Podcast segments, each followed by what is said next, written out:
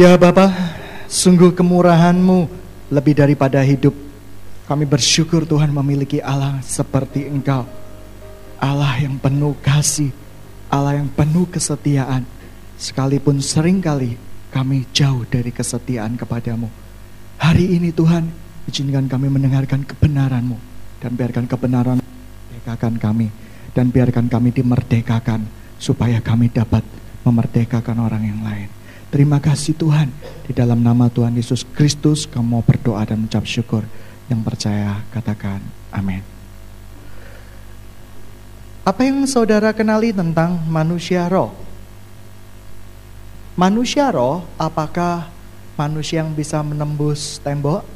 Manusia roh apakah manusia yang bisa berjalan di atas air? Atau manusia roh adalah seorang manusia yang bisa melihat Casper, melihat tuyul, melihat genderuwo. Apa yang dimaksud dengan manusia roh? Seringkali ketika saya berpikir, bagaimana sih Tuhan menjadi manusia roh? Ternyata menjadi manusia roh itu susah, tetapi bukan berarti tidak mungkin. Saudara, manusia roh itu adalah sesuatu produk nyata ketika kita berdekatan dengan Tuhan dan kita mulai meninggalkan sedikit banyak kepentingan-kepentingan dunia. Dan ketika kita meninggalkan kepentingan dunia itu, saya percaya kita memasuki satu langkah menjadi manusia roh. Kenapa tidak ada kebangunan rohani? Saya percaya karena kita manusia jasmani. Berapa banyak pelayan Tuhan yang suka ngambek di dalam pelayanan? Angkat tangan. Berapa banyak pelayan Tuhan yang terhitung dalam satu tahun, bergumul satu bulan, maju satu bulan, bergumul satu bulan, maju satu bulan. Mending seperti itu. Ada yang bergumul 11 bulan, bangkit pada yaitu pas hari Natal. Nah, itu yang terjadi. Manusia roh. Menjadi manusia roh, saudaraku, bukan menjadi orang yang tebar pesona. Sekarang mulai muncul statement tebar pesona. Pelayan-pelayan Tuhan dan orang-orang Kristen di akhir zaman, tidak terkecuali hamba Tuhan, saya juga tidak bebas dengan dosa seperti itu kita mulai memikirkan penampilan-penampilan harafiah saja. Bagaimana kita bisa membuat gereja ini cantik gitu ya, catnya supaya tidak belonteng-belonteng, bagaimana? Bagaimana kita bisa membuat gereja ini tampak lebih besar? Bagaimana kita bisa membuat gereja ini nyaman? Kita mementingkan hal-hal yang sifatnya lahiriah saja. Banyak sekali pelayan-pelayan Tuhan di akhir zaman yang mementingkan perkara-perkara apa? Bagaimana kita ini dipandang oleh orang lain. Oleh karena itu banyak yang berkata bahwa saya mau jadi orang kaya, saya harus punya pangkat, saya punya kedudukan supaya saya jadi berkat. Tetapi saya percaya itu salah satu cara untuk menutupi topeng-topeng dia, sebenarnya dia manusia yang masih lahiriah, belum rohania. Coba saudara, ketika kita sedang mengalami masalah, saudaraku, pernah nggak kita dengan jujur mengakui kita sedang mengalami masalah. Ketika kita berhadapan dengan teman-teman kita yang usianya jauh di bawah kita, pernah nggak kita mengaku dosa sama dia? Pernah nggak? Gengsi nggak? Wah gengsi. Hilang muka, ya martabat jadi jatuh, saudaraku. Padahal saya percaya mukamu tidak bakal hilang selama tidak ada perlakuan khusus pada leher kamu, ya. Tapi berapa banyak orang yang hari-hari ini cari muka, ya cari muka betul-betul. Padahal mukanya sudah di tempatnya masih saja cari muka. Saudara sekarang banyak sekali pelayan-pelayan Tuhan yang betul-betul lebih ke arah tebar pesona dan cari muka. Contoh saudaraku disuruh datang waktu. Maaf ya nggak semuanya ya. Disuruh datang waktu pelatihan pelayan Tuhan saudaraku. Paling datang 80% yang dua banyak alasan sakit perut, saudaraku ya, sedang mengalami flu, saudara, tenggorokan gatal, tidak ada bemo, tidak ada beca, saudaraku, malah alasan yang lebih fatal lagi tidak ada BBM gitu ya, seperti itu. Wah betul-betul parah, saudaraku. Saya berkata dia cari muka. Waktu pelayanan-pelayanan yang menunjukkan muka, Contoh kita datang ke panti asuhan, kita berdandan dengan rapi gitu ya. Rambut dicat, saudaraku seperti itu. Mungkin cowok saudaraku dikasih poni, saudaraku dikasih ya seperti itu. Saya pernah punya temen dulu ya, dulu enggak seperti sekarang. serba murah ya, minyak rambut dan semuanya. Teman saya saking kepingin rambut kaku pakai lem, betul gitu ya. Dia pakai kanji, dia buat lem, wah metal habis saudara. Luar biasa. Nah itu yang terjadi. Banyak sekali ketika kita pergi ke panti asuhan kita gendong bayi saudaraku. Lucu ya lucu. Ketika pertama kali saya punya anak saya berkata lucu. Lama-lama sedikit mencenol saudaraku ya. Tetapi banyak sekali hari-hari ini saudara orang yang mencari yang namanya lahiriah saja.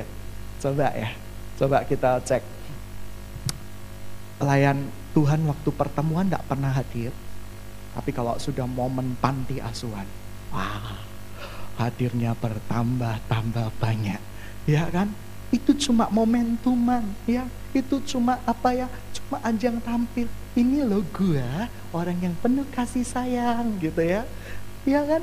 Kita ngomong sama mungkin orang lihat, ih orang itu penuh tati tayang ya. Luar biasa, luar biasa. Uh, penuh kasih sayang, penuh luar biasa orang itu. Uh, mempesona sekali ini orang rohani ini, ini manusia roh. Tetapi sesungguhnya dia tidak pernah menjadi manusia rohani. Salah satu ciri manusia rohani dia setia walaupun di dalam perkara kecil dan dia perkara besar. Suatu saat Tuhan berbicara kepada saya, dia berkata, Daniel, bagaimana aku bisa menaruh kamu kepercayaan yang besar kamu kadang gak setia dengan perkara kecil. Kamu orangnya bosenan. Saudaraku, saya orang yang sangat bosenan. Ya, sangat bosenan itu artinya ya bukan bosen anak, bosen istri enggak gitu ya. Bosenan itu kayak gini ya. Kadang ketika saya paling suka belajar di komputer saya itu penuh file-file tentang Archicad, apa AutoCAD dan semuanya. Saya bisa tetapi saya paling males menyelesaikan sampai akhir, saudaraku. Dan itu sifat buruk saya yang sudah saya bawa semenjak saya SD. Pengetahuan saya banyak sekali, saudara. Mau tanya tentang mau tanya tentang ekonomi saya paham, mau tanya tentang psikologi paham, hukum juga paham, semuanya. Tetapi rata-rata tidak ada pencapaian yang maksimal. Dan suatu saat ketika saya belajar seperti itu, saya bikin rumah tiga dimensi sudah berhasil, saudaraku. Wah, ini bentuknya. Saya punya prinsip seperti ini. Kalau orang lain bisa, kenapa saya harus bayarin orang lain? Saya harus bisa. Dan itu menyiksa saya di dalam berbagai macam kesukaran demi kesukaran. Karena tipe orang yang perfeksionis, saya bisa, kenapa harus suruh orang lain? Nah, ketika saya buat seperti itu, saya malas. Saya geletakkan CD-nya, saya berkata sama Tuhan, capek Tuhan, Tuhan ngomong dengan keras, kamu saja kalau seperti ini terus, kamu tidak setia perkara kecil, bagaimana aku bisa mempercayakan kamu perkara yang besar? Saya kadang kaget dengan kata-kata Tuhan. Apa hubungannya lah? Saya ini just for fun lah Tuhan. Ya kan, arsitek, Wong saya bukan dari arsitek ya, kenapa saya harus belajar hal-hal seperti itu? Tetapi Tuhan lihat ternyata sifat dasar saya ini orangnya suka bosenan semua usaha pernah saya jalanin dari masak memasak gitu ya, tumis menumis gitu ya, eh, racik meracik gitu ya, ramu meramu gitu ya, supir menyupir, semuanya pernah saya jalanin saudaraku. Yang belum pernah jadi gangster, jangan sampai ya seperti itu. Jadi itu yang malah orang belum pernah cuma sempat kepikiran juga sih gitu ya. Mungkin ada orang yang mau dipalak silahkan seperti itu. Tapi yang saya mau katakan bahwa hari-hari ini Tuhan tuntut pelayan-pelayan Tuhan di akhir zaman menjadi pelayan-pelayan Tuhan yang punya sifat seperti ini saudaraku. Tidak mau pantang menyerah. Itu ciri kedua dari seorang manusia roh. Tidak mau pantang menyerah saudara. Dia mau betul-betul melakukan setiap perkara kecil dan perkara yang besar. Saudara sekarang saya mau tanya. Ketika kita di dalam sebuah KKR kita yang paling seneng itu momen KKR-nya atau momen doanya? Oh, momen KKR-nya. Persiapan menuju KKR. Kita lupa semuanya. Kalau perlu persiapannya, doanya tiga hari sebelum KKR. Dan itu sifat buruk dari tempat ini. Yang diturunkan dari generasi ke generasi. Ya, seperti itu. Generasi Anda ini tidak baik. Karena banyak sekali fakta membuktikan sebuah kebangunan rohani yang besar dimulai dengan doa yang setia, doa yang dimulai dari perkara kecil yang berbuah menjadi kegeraan yang massal. kita kadang lupa kita harus setia. Ketika momen hamba Tuhan, termasuk hamba Tuhannya sendiri, momen-momen bangun pagi, saya tantang pelayan-pelayan Tuhan bangun pagi, paling bertahan tiga hari, empat hari. Ya enggak, hari kelima lihat guling, begitu jatuh cinta lagi. Dan itu yang terjadi. Saudara, berapa banyak yang hari ini kita mau jujur sama Tuhan. Kita ini kadang enggak setia. Kadang sifat kita buruk saudara. Kita lebih suka penampilan luar. Tuhan tidak lihat penampilan luar, biar kamu sering ke panti asuhan, biar kamu memiliki kedudukan tinggi, biar kamu pendidikannya sangat tinggi, S2, S3, S4, S5, S6, S7, saudaraku, segitu sempurnanya. Tetapi kalau kamu tidak punya attitude, kalau kamu tidak punya sikap hati yang benar di mata Tuhan, maka Tuhan tidak akan pernah mempercayakan kita pelayanan yang besar. Bisa-bisa kita terdepak dari kegeraannya. Dan lebih parah lagi, kita tidak bisa ambil bagian di dalam kerajaan sorga. Saudara, berapa banyak kita melakukan itu. Yang ketiga, yang saya mau katakan ciri-ciri manusia yang rohani, saudaraku, manusia roh, yaitu yang ketiga, dia belajar untuk mengalahkan Goliat-Goliat yang ada di dalam dirinya. Goliat itu besar nggak? Besar. Goliat menurut ensiklopedia yang nggak tinggi-tinggi soro ya, seperti pemain NBA yang paling tinggi itu loh ya dari China, saudaraku ya. Ya kira-kira besarnya segitu lah, ya tangannya terkepal gini. Daud itu kira-kira menurut saya pernah belajar sejarah paling sekitar 150 160 sentian. Ya, lebih ke arah 150 160 senti kecil.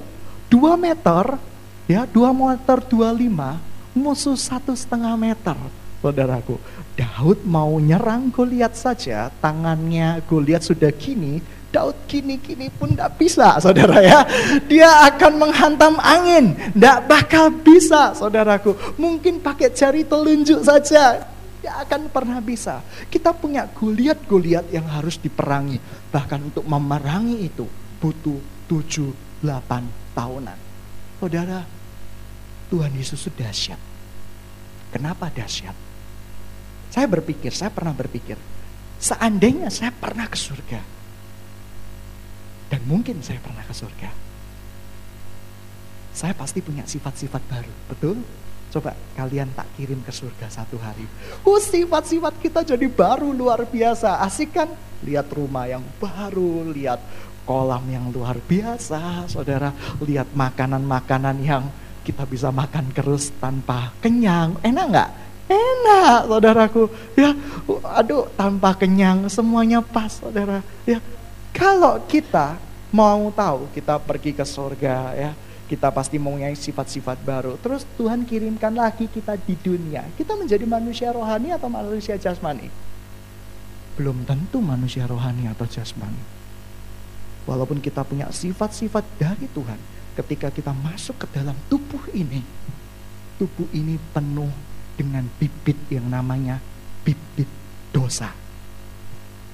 Dan saya mau katakan bahwa apa? Walaupun kita yang awalnya datangnya dari sorga, punya sifat-sifat yang baru, kita dikirimkan di dalam tubuh ini, dan tubuh ini tidak kita kuasai dan kita latih, sifatnya pasti dosa. Seorang hamba Tuhan yang sudah bebas dari dosa, tiba-tiba saudaraku, dia mendekatkan diri pada dosa, dia pergi ke klub malam, di sana banyak cuci mata gitu ya. Banyak sekali hal-hal yang berbau, berbau, berbau yang gimana-gimana, saudaraku. Dan apakah hamba itu tidak tergerak untuk berbuat dosa? Saya percaya sepersekian detik dia pasti berpikir seperti ini. Istriku tahu nggak ya? Ya, Enggak, kamu nggak belum punya istri masalahnya. Yang berikutnya, pikiranmu ke mereka jauh lebih cantik dari istriku. Enggak apa-apa lah, enggak ada yang kenal. Mungkin kita pasti satu dua panah api iblis pasti ada di pikiran kita. Dan itu jujur, itu yang namanya benih dosa. Sekarang saya mau tanya, kita nggak bisa bangun pagi itu sebenarnya benih apa? Benih dosa, saudaraku. Benih dosa juga, saudara. Pernah nggak lihat anak kecil yang langsung bangun pagi dan berseru pada Tuhan, haleluya, indahnya hari ini bersama Yesus. Tidak ada. Ketika kita bangun pagi, reaksi pertama kita dibangunkan, kita marah. Siapa seratus kali dibangunkan, engkau selalu tersenyum.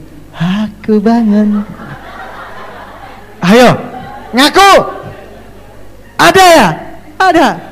Kalau ada saya percaya dia punya kelainan dengan gigi. Mungkin giginya tongos. gitu ya. Seperti itu. Yang saya mau katakan, tidak ada orang satupun ketika saya berkata kepada istri saya, bangunkan saya pagi-pagi. Saya pasti marah ketika dibangunkan pagi-pagi. Saudaraku, bangun sampai akhirnya ketika dalam kondisi agak-agak sadar, istri saya berkata, kamu kan yang nyuruh mau ketemu sama Tuhan. Oh iya, wis lah, oh, oh.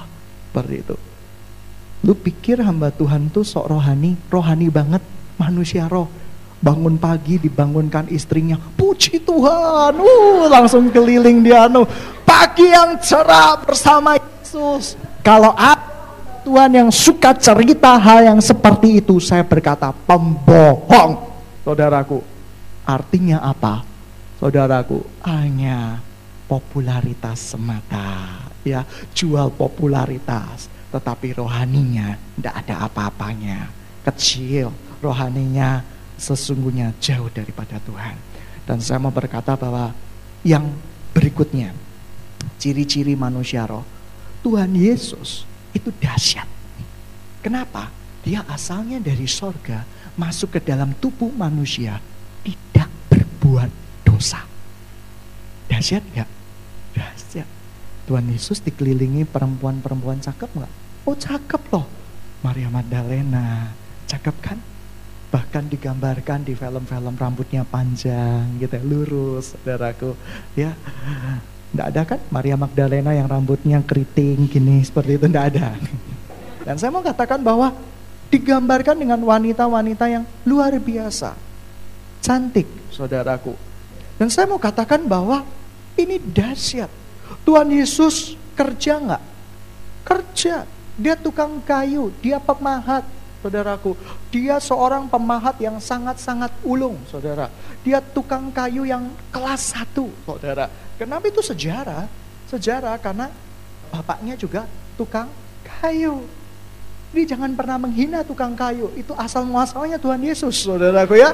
Jangan pernah menghina tukang kayu, tukang apa pun, tukang bangunan. Ya kan? Karena Tuhan Yesus sejarahnya dari sana Berbahagialah orang yang menjadi tukang bangunan. Karena engkau cikal bakalnya. Asal mulanya. Tuhan Yesus bekerja. Dan saya mau katakan seperti ini. Tuhan Yesus, kenapa dia kok tidak tergoda dengan kebutuhan-kebutuhan manusiawinya? Kenapa? Karena dia sangat mengenal Bapaknya. Jawabannya cuma simpel, padat, dan jelas. Karena dia mengenal Bapaknya dan dia mengenal siapa yang mengutus dia. Saudara, sehingga dia tidak baru mengomel ketika kekurangan uang. Pernah lihat Tuhan Yesus mengasihani diri karena uangnya tinggal cecing? Ada nggak di Alkitab kita Lukas menuliskan Tuhan Yesus marah dan dia mengingkari panggilannya. Dia berkata, "Kenapa Yudas kaya? Kenapa Petrus kaya? Kenapa saya miskin? Saya jadi Tuhan uang cuma Papa, kembalikan saya ke sorga." Tidak ada. Dia manusia biasa. Dia manusia yang sama tetapi tidak ada kata kata satupun kata-kata kutuk di dalam bibirnya. Ketika Tuhan Yesus disuruh berdoa kepada Bapaknya, pagi-pagi buta dia berdoa. Pada hari sabat dia kuduskan hari sabat. Tidak pernah ada di Alkitab Tuhan Yesus ngancem seperti ini. Bapak, Kalau engkau suruh aku berdoa terus, aku mutung, aku tidak mau ke gereja. Cek angel ya jadi orang Kristen. Kembalikan saya ke sorga. Ini apa-apaan. Pernah lihat Tuhan Yesus mutung dalam sejarah? Tidak ada. Walaupun capek, letih, lesu, saudara. Dia tetap berdoa pagi-pagi buta. Saya bingung. Tuhan Yesus itu Tuhan nggak? Tuhan. Manusia nggak? Iya. Buktinya ditusuk darah keluar. Iya enggak? Kalau Tuhan Yesus adalah tubuhnya adalah tubuh Tuhan, ditusuk saudaraku tembus tombaknya. Ada enggak? Kitab Matius menukiskan ketika para penjaga itu menombak Tuhan Yesus dan pedang hilang di tubuhnya. Wow, luar biasa ya luar biasa. Dan semua orang bertepuk tangan gitu ya. Dan akhirnya Tuhan Yesus memprediksikan pertandingan Piala Eropa ya kan? Yang menang siapa? Ngayal ya ceritanya tapi yang saya mau katakan bahwa Tuhan Yesus tuh seperti tubuh kita juga. Tuhan Yesus suka pamer nggak? Enggak. Waktu itu yang paling terpandang di zaman dia adalah ahli-ahli Taurat. Yang terpandang di zaman tersebut adalah orang-orang Farisi.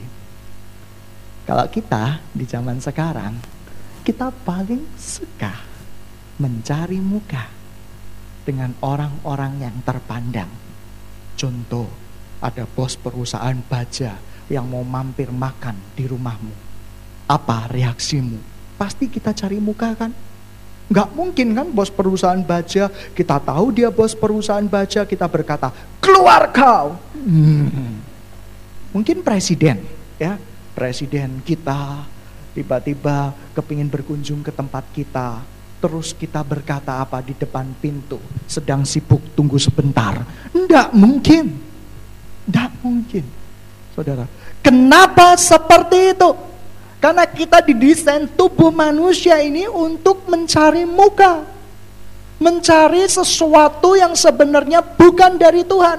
Mencari penghormatan dari manusia, bukannya pengagungan dari Tuhan. Oleh karena itu, manusia sering kali menyesal mengikuti Tuhan. Tuhan ini dahsyat. Bayangkan, Tuhan Yesus yang manusia yang tidak cari muka Ketika orang Farisi salah, dia tegur. Ural, ular berudak. Keluar! Pernah kamu berkata kepada, misalnya contoh, dosenmu buat dosa.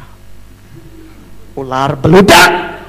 Ke dosa ajar di tempat ini lagi. Saudaraku, pernah praktekan seperti itu? Mungkin kalian berpikir, seandainya saya bisa saya sudah mengeluarkan kata-kata itu berkali-kali. Tetapi masalahnya saya takut resiko dari kata-kata itu. Tuhan Yesus nggak takut loh resikonya. Karena kata-katanya punya kuasa. Ketika orang Farisi dibilang ular beludak, saya percaya ini ada tusukan yang dalam dan dia mulai merenung. Ya, sebagian mulai benci, sebagian merenung karena ada kuasanya. Kalau kita tidak punya kuasa ngomong seperti itu, saudaraku, kamu yang ular, ya, dan saya pembunuh ular itu. Hmm, celaka ya. Ciri berikutnya, manusia roh, Matius 5, ayatnya yang ke-39 ya, 39 sampai dengan ayatnya ke-44 saya bacakan ya. Tetapi aku berkata kepadamu, kamu melawan orang yang berbuat jahat kepadamu. Melainkan siapa pun yang menampar pipi kananmu, berilah juga kepadanya pipi kirimu. Ini ayat yang kontroversial. Saudaraku, saya sebagai hamba Tuhan, saya belum bisa melakukan ayat ini. Ketika saya disakitin, saya di ilok-ilok no yang gak kena-kena. Saya tidak bereaksi seperti Tuhan Yesus yuk mor, elok lagi, lebih dahsyat lagi, uh, asik gitu ya. Enggak, saudaraku. Reaksi saya tangan terkepal. Tuhan, saya hamba Tuhan, ingatkan saya hamba Tuhan. Terus sempat berpikir, izinkan satu jam ini tidak jadi hamba Tuhan. Oh iya, saya hamba Tuhan. Ini penuh pertentangan, saudara. Yang berikutnya, ini ayat yang sangat-sangat dahsyat. Orang nggak percaya ada kasih yang seperti ini nggak percaya. Sekarang sama tanya, ketika ya kamu ditampar pipi kiri, apakah kamu akan memberikan pipi kanan? Saya akan berikan kalau itu di sinetron karena saya dibayar. Ada kompensasinya. Siapa yang nggak ada kompensasi? Nggak ada yang mau. Nggak ada yang mau. Ini ayat berbicara apa? Ini manusia roh habis, saudaraku. Berikutnya dikatakan seperti ini di Matius yang berikutnya. Dikatakan dan kepada orang yang hendak mengadukan engkau karena mengingini bajumu, serahkan juga jubahmu. Pernah nggak adik kita ketika lihat rok kita atau pakaian kita CAPE, saudaraku, dan kamu langsung berkat, kamu minta rok, ya sudahlah, tak beliin sak baju, sak sepatu, pakaian semua. Itu yang saya katakan kasih yang luar biasa. Tuhan berbicara seperti ini. Kalau berkata, bersihkan gereja.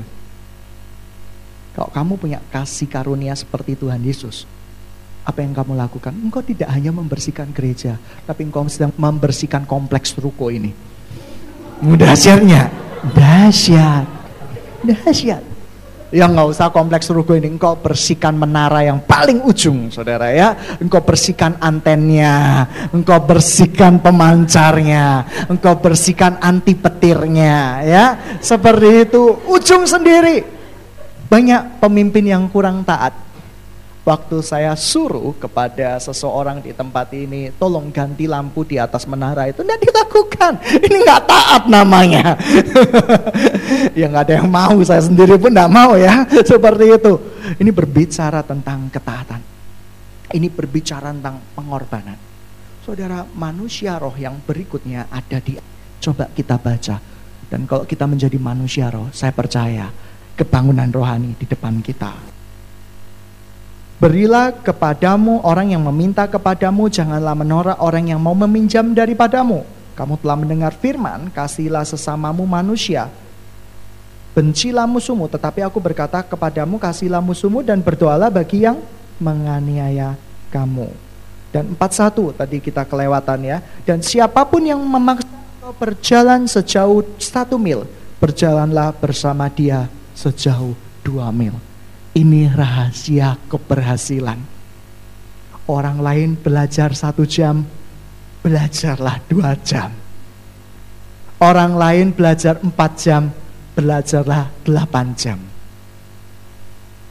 Tetapi, saudaraku, kalau Tuhan menginginkan engkau melayani dia satu minggu, berikan dia satu minggu karena satu minggu ya satu minggu saudaraku ya. Berikan Tuhan Yesus satu bulan, satu tahun. Ini rahasia yang luar biasa. Kita kalau mau mencapai yang namanya manusia roh, kita harus melatih tubuh kita dua kali lipat dari orang lain melatih tubuh kita. Hari-hari ini saya percaya Tuhan membutuhkan manusia roh, manusia roh baru di tempat ini manusia yang mau berkata, Tuhan, aku mau lakukan yang terbaik untuk engkau. Tadi saya berjalan-jalan dengan istri saya, saya cuma tanya, Mbak, ini harganya berapa? Langsung, pakang musa serem. Emangnya lu mau beli berapa? Uh. Hamba Tuhan digituin, saya kepingin berkata, ini pendeta Pak, pendeta. Gimana? Sayang saudaraku ya. Coba ya, coba ya, coba saya pakai pakaian biasa. Kalau saya pergi ke mall-mall terutama santai saya pakai kaos biasa saudaraku. Coba saya pakai pakaian pastor. Saya berapa jubah uh, pendeta seperti pastor memang. Nah seperti itu. Coba saya pakai pakaian itu dengan jas saya. Saya bertanya dengan mbaknya mbak ini harganya berapa? Saya percaya secara lahiriah dia pasti beda. Orang ini pemuka agama kalau saya nggak jawab dengan sopan, nanti saya entar dikutuk jadi kodok. Ya. Dan akhirnya apa? Akhirnya dia marah dan sempat sisi kemanusiaan saya muncul. Saya cemberut sama Tuhan. Gak beli di tempatmu yang gak apa-apa. Saudara aku seperti itu. Saya keluar toko. Mbaknya berkata, jadi beli nggak? Oh enggak mbak, maaf Sambil nongkol ya, memang lagi nongkol. Saudaraku sambil berkata, Tuhan pulihkan saya, pulihkan saya. Puji Tuhan, saya dipulihkan cepat. Karena saya lihat counter ST ada di sana dan saya minum. Dipulihkan dengan cepat. ya, bercanda, bercanda.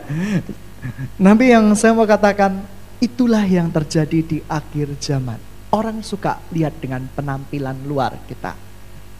Contoh, saya punya duit 10 miliar. Tapi saya pergi ke mana-mana naik bemo. Ada nggak orang yang mau ngerampok saya? Nggak ada. Nggak ada. Coba jabatanmu cuma sopir. Kenapa sopir sering kali jadi korban? Karena sopir memakai mobil yang mahal-mahal dan suka pamer. Lebih daripada pemiliknya. Pemiliknya pakai satu jam, supirnya pakai berkeliling-keliling ya dengan pacarnya mungkin ya 4-5 jam. Oleh karena itu kasus-kasus di koran banyak yang dibunuh itu siapa? Sopirnya dulu gitu ya karena suka pamer. Dan itu yang terjadi, itu memang itu yang terjadi, itu fakta di lapangan. Saya percaya hari-hari ini kita harus belajar untuk memprediksi waktu Tuhan, bukan berarti meramal ya memprediksi momentumnya Tuhan untuk bangsa ini. Saya bersuka cita sekali ketika saya dengar-dengar Eropa unjuk rasa, BBM sudah semakin mahal di sana. Yes, saudaraku. Terus tiba-tiba, saudaraku, saya bersuka cita ada negara-negara tertentu sedang memproduksi bom nuklir, saudaraku. Saya bersuka cita. Ini gila nih hamba Tuhan ini, ya. Enggak, karena itu tanda-tanda zaman yang harus kita sadari, harus kita jalani, dan harus kita lewati. Dan kamu tahu, hari-hari ini orang yang miskin di Indonesia bukannya tambah dikit, tambah banyak.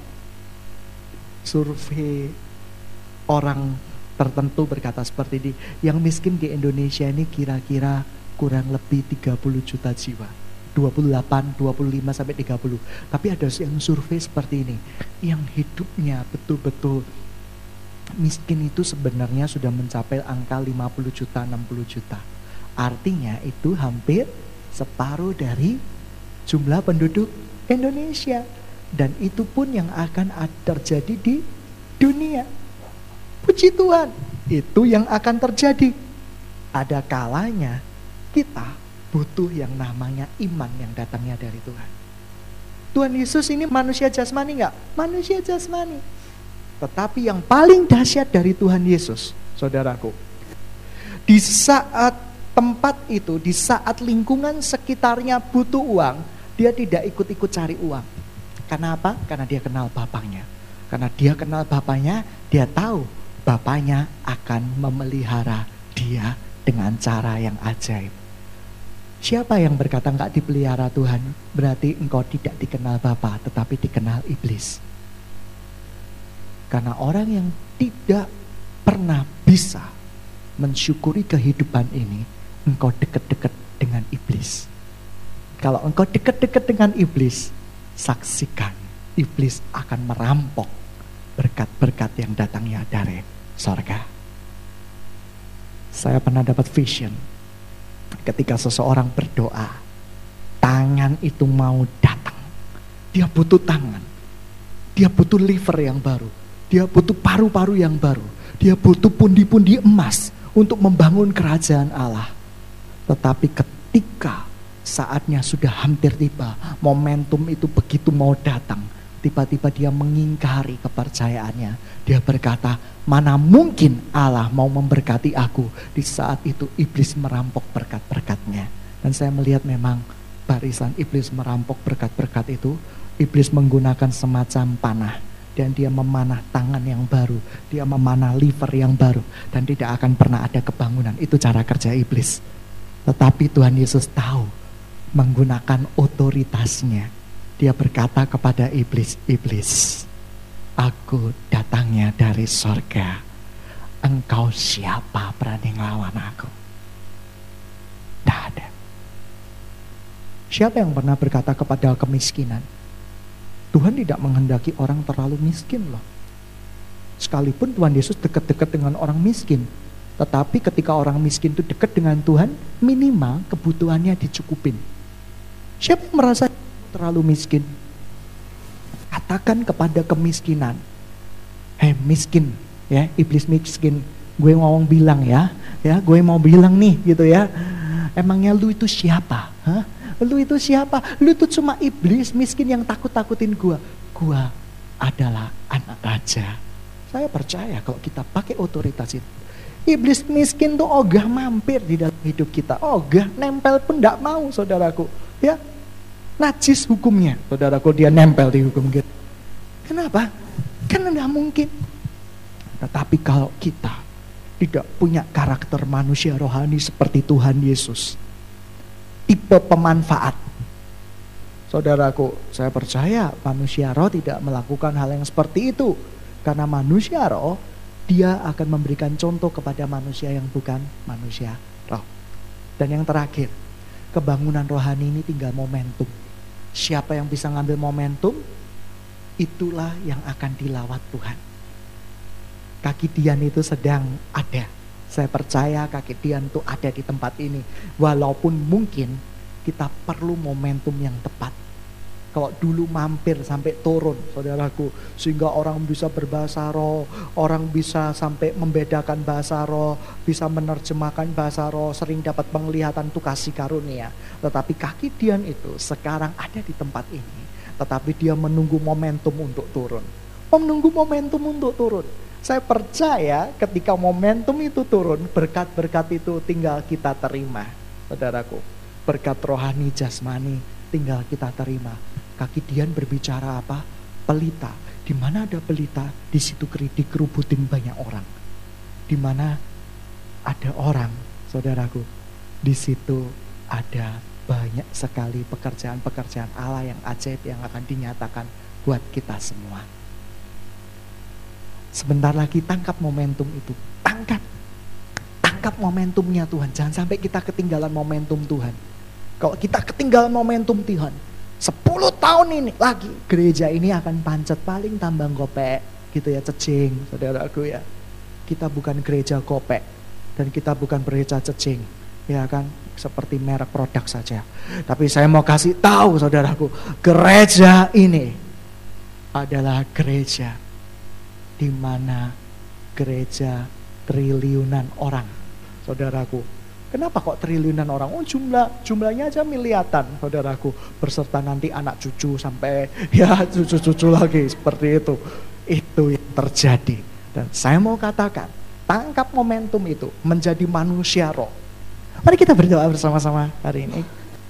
Ya Bapak yang bertata di dalam kerajaan surga, kami percaya Tuhan, firman-Mu ya dan amin. Kami rindu menjadi manusia roh.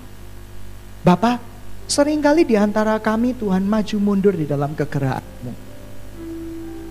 Seringkali kami marah dengan begitu banyak bentukan Tuhan yang kami alami. Dan jujur Bapak, saya sering kali marah. Saya sering kali juga kecewa. Saya sering kali sedih. Kenapa harus saya? Tapi saya bersyukur punya Allah yang hebat Tuhan Yesus adalah Allah. Tuhan Yesus juga manusia. Tetapi ketika dia hidup di muka bumi ini, ada sesuatu yang ajaib yang dia lakukan. Dia dengan senang hati menerima panggilannya. Panggilan menuju salib. Salibnya begitu besar, salibnya begitu berat, tapi dia mau. Ada banyak sekali nama-nama di Alkitab yang mau terima Tuhan dengan luar biasa.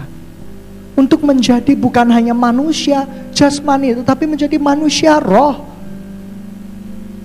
Karena begitu dekatnya dengan Tuhannya. Suatu saat Maria, waktu itu sangat tabu ya kalau seorang perempuan hamil sebelum menikah. pada suatu hari malaikat itu datang kepada Maria. Maria mendapat kasih karunia untuk melahirkan sang juru selamat yaitu Tuhan Yesus. Secara manusia dia akan berkata, "Tuhan, yang lain saja karena saya akan dipermalukan di depan umum, mungkin saya akan dihina karena saya hamil sebelum menikah. Bapak, apa yang terjadi?" Tetapi Maria berkata di dalam Alkitab satu ayat yang sangat menyentuh hati saya.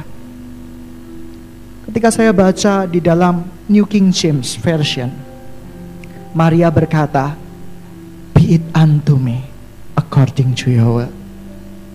Saudara, satu kata-kata penyerahan, satu kata-kata yang nggak akan pernah dibantah lagi.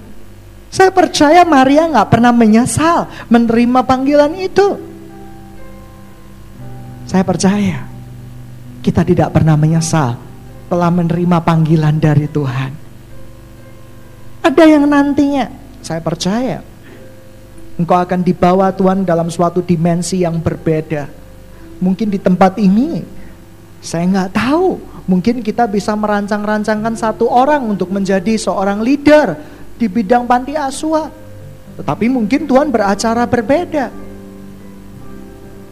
Tetapi ketika Tuhan panggil engkau menjadi manusia roh, di bidang pelayanan kasih, apa jawabmu? Engkau tidur bersama-sama dengan mereka, engkau makan mungkin bersama-sama satu piring dengan mereka, mungkin engkau tidur digigitin oleh nyamuk, apa yang kau katakan? Apa yang kau katakan? Saya tidak tahu apa yang kita katakan semua. Be it unto me, according to your word. Jadilah kehendakmu sesuai dengan kehendakmu Bapa. Aku ini cuma budakmu. Aku ini cuma pembantumu. Aku tidak bisa mengingkari panggilan itu. Ada peperangan-peperangan di hati kita. Ada raksasa-raksasa di hati kita yang harus kita hancurkan. Caranya bagaimana? Hancurkan saja. Kalahkan saja karena kita punya kuasa.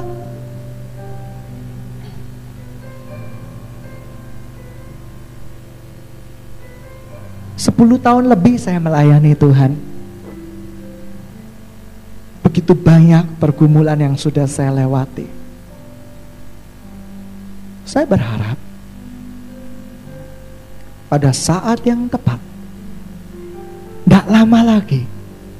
Saya mau jadi manusia roh yang bisa berkata, Aku cinta dengan panggilanku ini. Aku bergembira dipanggil Tuhan.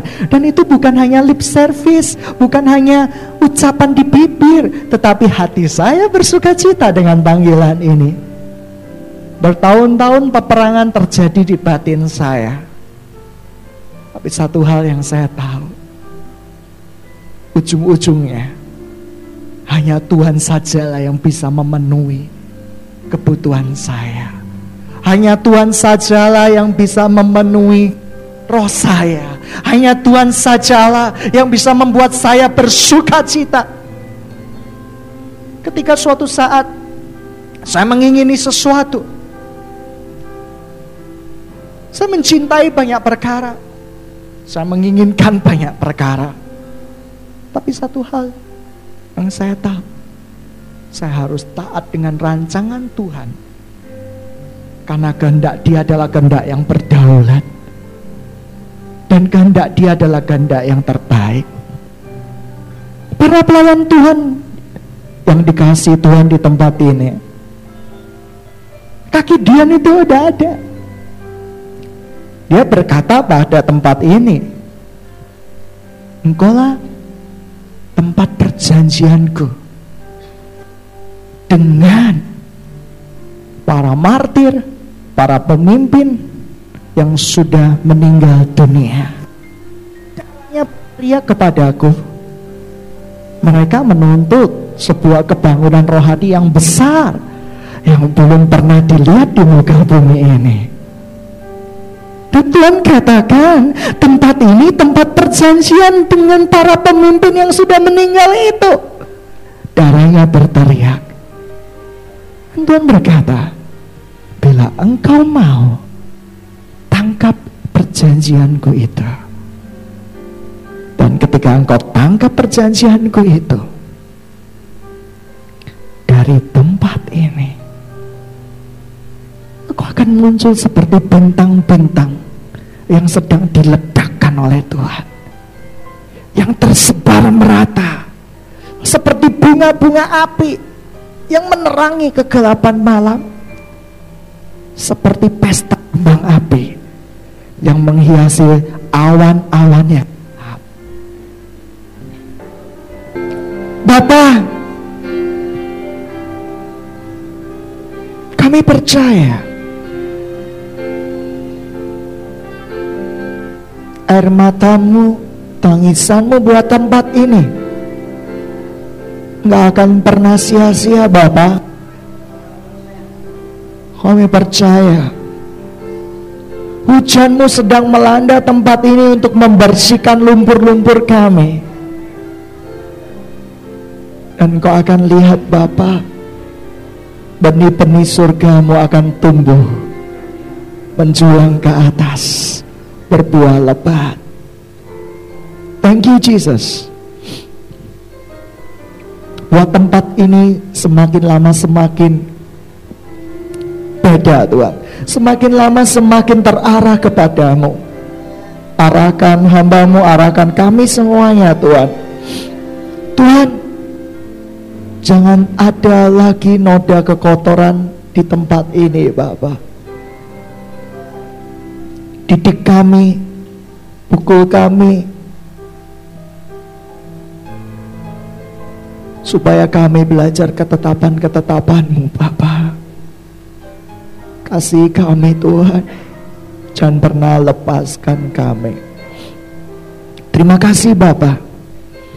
Hamba bersyukur untuk pelayan-pelayan Tuhan yang luar biasa di tempat ini. Hamba bersyukur untuk mereka. Dan aku berdoa Bapak, di dalam nama Tuhan Yesus Kristus. Segala doa kami Engkau dengar dan Engkau sedang kerjakan. Siapa yang percaya hari ini Tuhan sedang melakukan salah satu dari jutaan bahkan tak terhingga langkah-langkahnya yang hebat dan heran. Mari kita sama-sama katakan, Amen.